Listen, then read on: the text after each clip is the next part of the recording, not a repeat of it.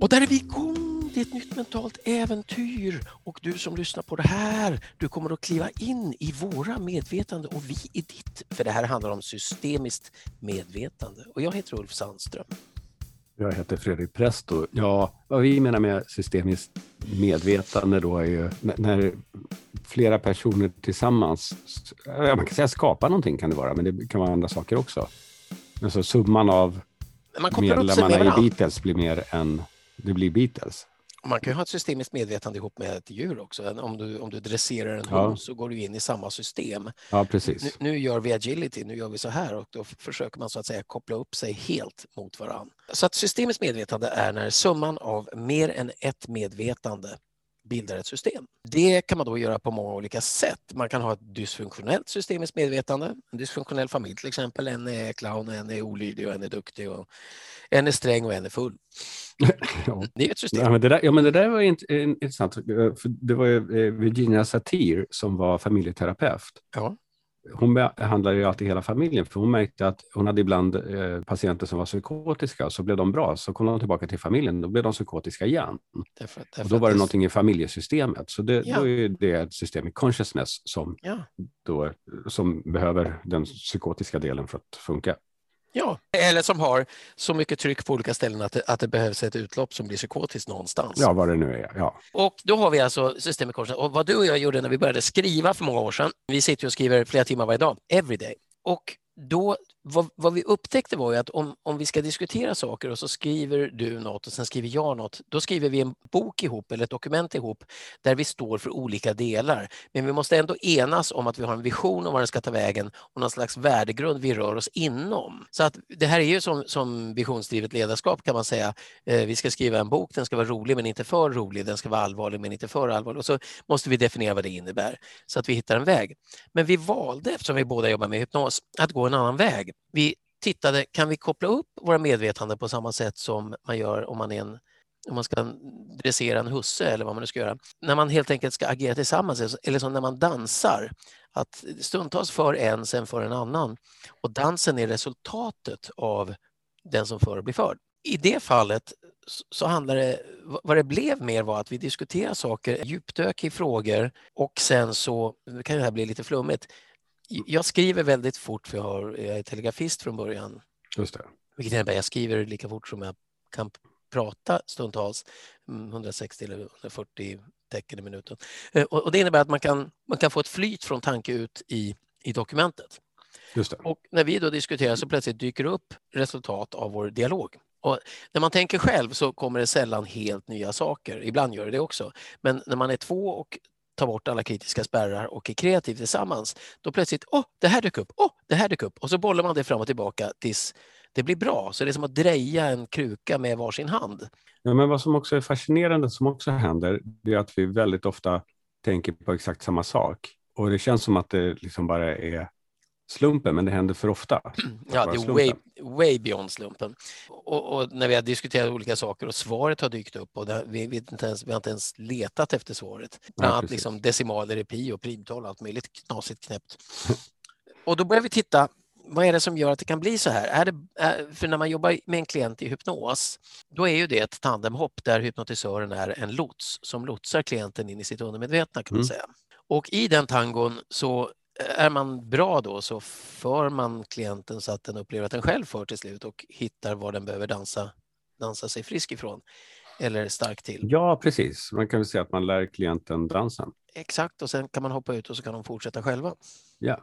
Och när vi skrev så det, helt plötsligt så kunde vi använda det här som Josef Kahneman som har skrivit boken Snabbt tänkande, långsamt tänkande eh, skrivet med långsamt tänkande. Ja. Plågsamt långsamt för mig. Men där handlar det om att när vi tänker fort så tänker vi inte i ord som bildar meningar som bildar mening utan vi använder någon slags intuitiv intelligens som är oändligt mycket snabbare som också kan processa alla sinnen samtidigt. Bild, mm. lukt, doft, ljud, smak, minnen, tankar, logik. Och när man gör det, då kan man börja få en magkänsla som, som beskrivs i boken Blink. Timothy uh, Ferris, va? nej, nej, nej. Det är, nej, nej, det är inte alls. Han, uh, nej, det är Glad, nej, Gladwell. Just det, Malcolm Gladwell. Malcolm Gladwell. Är. Titta, två, två namndyslektiker står ihop sina påsar. Ja, Malcolm Gladwell. Och där handlar det om att man, man ibland kan man, man, och eftersom det här inte är logiskt tänkande enligt rationell, långsam matematisk logik, så kan man inte alltid förklara, man bara vet, man bara känner på sig. Ofta, eh, jag har skrivit ett par böcker om intuition och Blink handlar ju lite om det. Ofta så kan du i efterhand, om det behövs, förklara. Men när du kommer på det så finns det ingen förklaring, utan då bara dyker det upp. Nej, precis. Och, och det, då kan man säga att poesi, för det upptäckte mm. vi att om vi vill att en text ska vara hypnotisk så är den också poetisk. För poesi är när det väcker känslor och känslor väcks av bildhjärnan, inte av ordhjärnan. Och det finns något som heter transderivational search, det vill säga när hjärnan får leta. Man skickar iväg hjärnan och säger gå in i arkivet av hela ditt liv och hitta någonting som förefaller vara en direkt av högmod. Oj, hur kan den se ut? Säger hjärnan mm. och börjar leta. Är det en kungadräkt eller en påvedräkt eller är det en sån här, är det liksom eh, Captain America eller vad är det för något? Och om man då tar Rumi är faktiskt ett exempel som vi hade som, som vi hade som måttstock på för Rumi är väldigt poetisk och TSD, Transformational Search, Mm, just det. Just det. Och, men jag tänkte bara läsa upp en, några korta rader av Rumi så att man förstår ja. vad vi menar. Så experiential ja. learning här, lär oss genom att känna. Så vi kopplar nu upp oss i ditt medvetande du som lyssnar. För när förnuftet väcker högmod hos dig, snorkig självsäkerhet och uppblåsthet, lämna då ditt förnuft därhän och bli en dåre så att ditt hjärta förblir friskt och du vid liv. För jag har gett upp dualismen. Jag har sett att de två världarna är en. En jag söker, en jag känner, en jag ser, en jag kallar. Jag är berusad av kärlekens bägare. De två världarna är bortom mitt förstånd. Jag har inget annat ärende än att festa och rumla. Mm. Och det är då ur Diwan Ishams i Tabriz, om jag nu uttalar detta korrekt eller inte, har inte med saken att göra. Nej. Och det som är fascinerande med det där då, det är att eh, för att skapa en förståelse av de orden så måste man gå in i sig själv och det är som du sa det vi kallar för transderivational search. Just. Och, och då hittar jag det sätt att tolka det som, som jag kan hitta helt enkelt. Exakt, och det är det som är det, om du tar en tavla så kan alla se den på olika sätt. Någon kan se pointillismen som en massa punkter och någon annan ser det som en helhet. Och, och på samma sätt en dikt det som är skönheten med en dikt är att den blir annorlunda i varje medvetande, i varje ögonblick som den blir konsumerad. Och om vi då tar, när vi började skriva då så vad vi kom fram till att personligheter är inte, vi är inte födda i en viss personlighet, en viss personlighetstyp och det där, för att hela Big Five för Myers-Briggs och, och NIS-modellen tolkas ofta som att det är ett faktum som är medfött och där kan man säga att vi vet att detta går att ändra eftersom vi har coachat tusentals klienter till att bli mm. tvärtom. Mm eller annorlunda. Så vi människor är inte gjutna i stål utan vi är mera gjorda i järn som kan formas om. Och då så kallade vi vårt första manus för Du är inte utan du gör. Och eftersom ja, vi skriver på engelska så blev det Don't be utan do. Ja. Jag är inte extrovert utan jag gör min extroverta, min extroverta strategi just nu. Jag kan också göra introverta. För det är ingen motsättning, jag kan vara båda. Ja, precis. Sen kan det mycket väl vara så att många har gjort den ena eller den andra så mycket så att, så att man faktiskt inte har direkt tillgång till den andra. Men det går att öva upp. Ja, man har inte övat upp den. Räckte att vara gullig och så är man gullig resten av livet. Eller räckte att skrika så skriker man resten av livet. Ja, precis. Överlevnadsstrategier. Men då istället för att då säga att ja, men det kanske är så att vi delar ett medvetande här, precis som Beatles skriver vissa låtar och Lennon skriver andra när han är själv. Så när jag skriver själv så blir det inte som när vi skriver ihop. Och du upplever samma sak misstänker jag. Ja. Och då satte vi helt enkelt ett namn på vårt systemiska medvetande, den tredje personligheten som uppstår när vi är på det humöret och skriver. Mm. Don T. Bidou. Precis, Bidou på franska. Han är, från, ja, troligt, troligtvis från, han är troligtvis från jag har ättlingar i Frankrike men bor i New Orleans och har en, en väldigt, han har en stor krokodil som är tam. jag, jag, jag, ser framför mig att han röker pipa också. En sån här... Det är han definitivt. En sån här, sån här, vad heter det, kalkpipa. Ja, precis. Kalkpipa. Ex, exakt, du ser, nu händer det igen.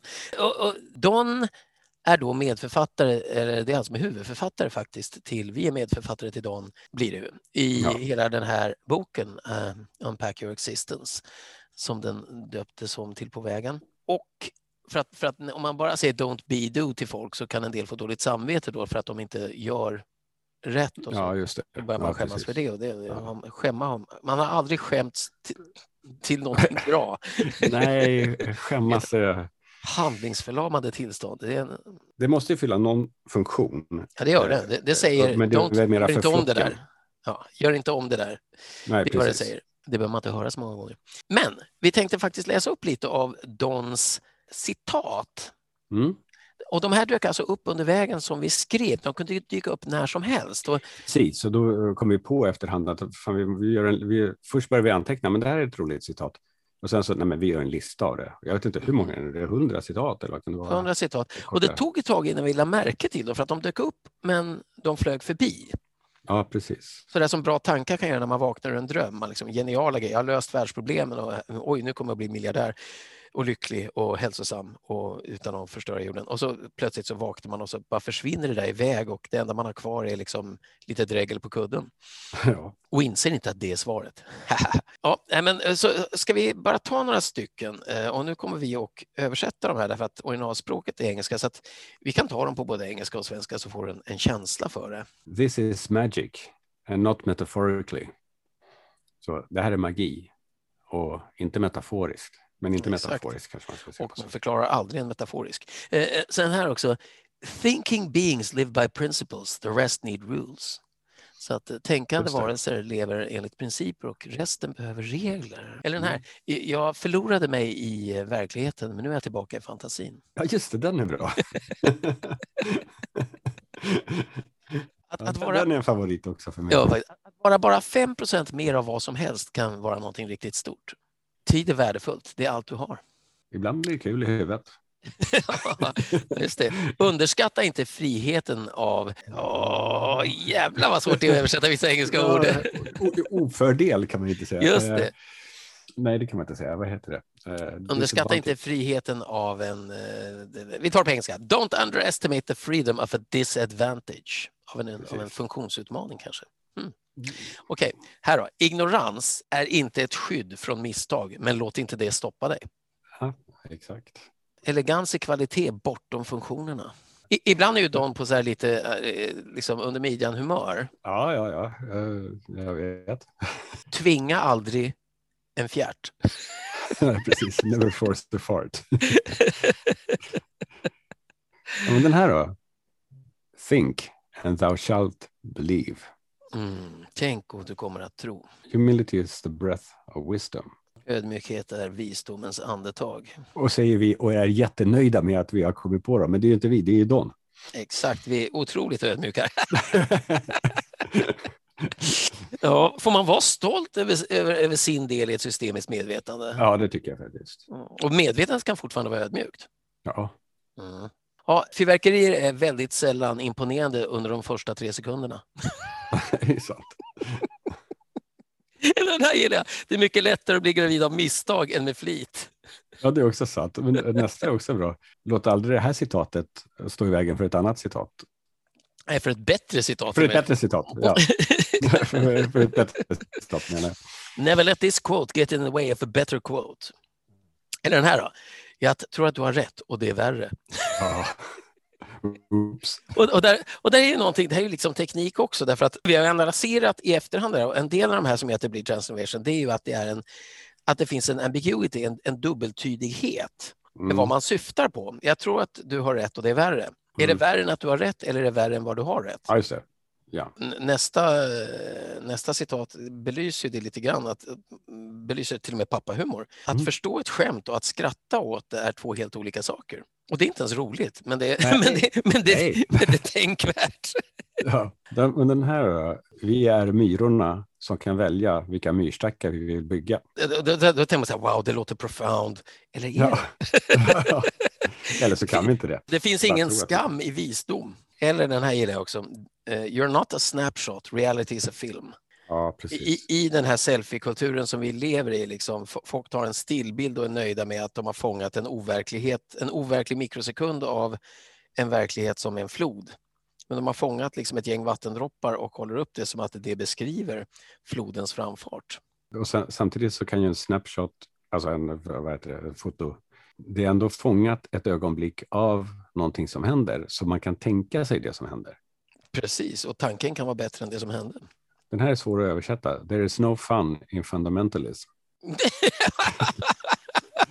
och det är sant. Det finns en bok som heter Fundamentalister har ingen humor. Alltså det är väldigt sällan folk som är, folk som är övertygade om att de har rätt. De skrattar sällan. Här då, The goal of greed is imbalance. Målet med girighet är att skapa en obalans. Ja, det måste det vara. Då vill man ju ha mer än andra. Den här blir så här, jag vet inte om det här är politiskt korrekt eller inte. Fun and true are not the same sex. Ja, men det är väl bra. Kul och sant är inte nödvändigtvis samma kön. Eller är inte samma kön. Ja. Det beror på hur man tolkar den. Den här skrev vi nästan ett helt kapitel om, sen döpte vi om kapitlet. Entitlement is a delusion. Vad säger man entitlement på svenska? Hur uh, berättigande. Ja, just det. Berätt... Oh. Ja, det är faktiskt lite svårt att säga. Rätt, rätt till. Det, när man anser sig ha rätten till något mer än andra. Så ja, om, jag, om jag förväntar mig om jag förväntar mig att folk ska behandla mig annorlunda än andra på ett bättre sätt, då är det för att jag anser mig ha rätt till det. Då är jag mm, Ja, precis. Mm. Det finns inget bra ord på, eller jag kommer inte på något i alla fall. Det kanske Nej, och vi har ju jantelagen istället som är motsatsen. Ja, tror, precis. Tror, tror inte att du är un, Untitlement. Antitlement. Antititlement, ja antititlement är vad det faktiskt blir. Ja. Uh, uppenbara saker är, är, är ah, engelskan är elegantare. Obvious ja. things are deceptively easy to forget. Ja, just det. Och, uh, jag, jag, hör hela tiden Alan Watt, jag har en liten Alan Ja, det, det lät lite Alan Watts. Ja. Obvious things are deceptively easy to forget. Ja. Alla tror på ödet i någon grad. Det är förutbestämt. Jag gillar den här också. Maybe life is taking a break from eternity. Kanske livet är en paus från evigheten. Och det var ju det som vi kom på, att om vi ponerar då, med tanke på att vi inte kan bevisa en, något som inte går att bevisa, något som, något som inte existerar, can't prove a negative, så är det så att ponera att det är så att vi är, en, som en del religioner är inne på, att vi är en evighet och vi är, droppar ner som en regndroppe på jorden, föds och har ett liv och en existens och en själ och samlar på oss lite karmapoäng och sen så hoppar vi vidare ut i evigheten. Eh, och så diskuterade vi, istället för att säga är det så eller är det inte så, så sa vi tänk om det är så. Hur mm, skulle det vara om allting var evigt? Ja, det skulle vara hemskt. Ja, det skulle vara hemskt. Helvetet man, måste vara en ja, evighet. Ja, det behövs, det behövs ingen skärseld som du plågas i. Nej. För att de, eh, evighet, och då får man, det är så lätt att tänka evighet som väldigt mycket tid. Ja, men, men nej, så om, om man istället tänker evighet, ja, då är man utanför tiden, men då är det evigt och då har du ja, upplevt allting ett oändligt antal gånger. Alltså det, det är till och med frågan lev, Levde jag i evigheten så skulle jag behöva en paus. Då skulle ja. ett liv vara en bra paus. Ja, ett liv med smärta och hjärta och plågsamhet och sjukdom och död och liv och roligt och skoj och plastpåsar och hamstrar. Vem var det som sa att eh, gudarna avundas oss för att vi är dödliga? Mm, det var ja, faktiskt någon, en av de här gamla grekerna. Och, vet, ja, jag, tror jag, tror inte de var så jävla gamla. Alltså, de, var gamla. de är gamla nu, men de lever ju inte för de är inte eviga. Utan att säga gamla greker, liksom, det, det låter som att det är massa gamla gubbar. Det, det, kanske var tanter, det kanske var unga tjejer som gick runt och sa det. Alla orakel i Delphi var ju unga tjejer. Man gick, ju inte, man gick ju inte till någon gammal gubbe som satt och käkade flugsvamp för att få reda på om man skulle förlora i kriget, utan man gick till en ung underskön kvinna. Och i, de sa att alla kvinnor var undersköna på den tiden, så det var ingen sån här skönhetsideal, utan en ung underskön kvinna som helt enkelt andades in rök och fick visioner och berättade vad som skulle kunna hända. Just det. Här, här kommer en rolig, tycker jag. Why do I speak in riddles? Varför pratar jag i gåtor? ja. Just det. At the end of the tunnel, there is no tunnel. Ja. ja, eh, ibland är de väldigt handfasta och begripliga, så jag tycker Don verkar lite sympatisk. Sometimes you need to fry an egg. Ja, precis. Det betyder inte nödvändigtvis att du måste äta utan ibland är det liksom helt enkelt det som är nödvändigt. Ja. Ja, jag, jag, tycker att det här, det här det hoppas jag att vi har. Här, jag lyssnade på Jenny, jag kommer inte ihåg vad hon men hon var ordförande i Mensa, den här superintelligent, ja, enligt IQ-kvoten, kvinna som den sortens intelligens. Och hon sa det att förvirring är ett tecken på intelligens, för det innebär att man inte är fastlåst i samma envetna tankar hela tiden, utan man tillåter sig att ta steget in i någonting nytt och då är förvirring ett naturligt steg på vägen. Så vi hoppas att du som lyssnar på det här har blivit lite lätt lyckligt förvirrad. Ja, men det är väl bra. Vänta, om man vill eh, kontakta oss? Om man vill kontakta oss, precis. Exakt så. alltså, kommer det, det blir jättebra. Eller hur?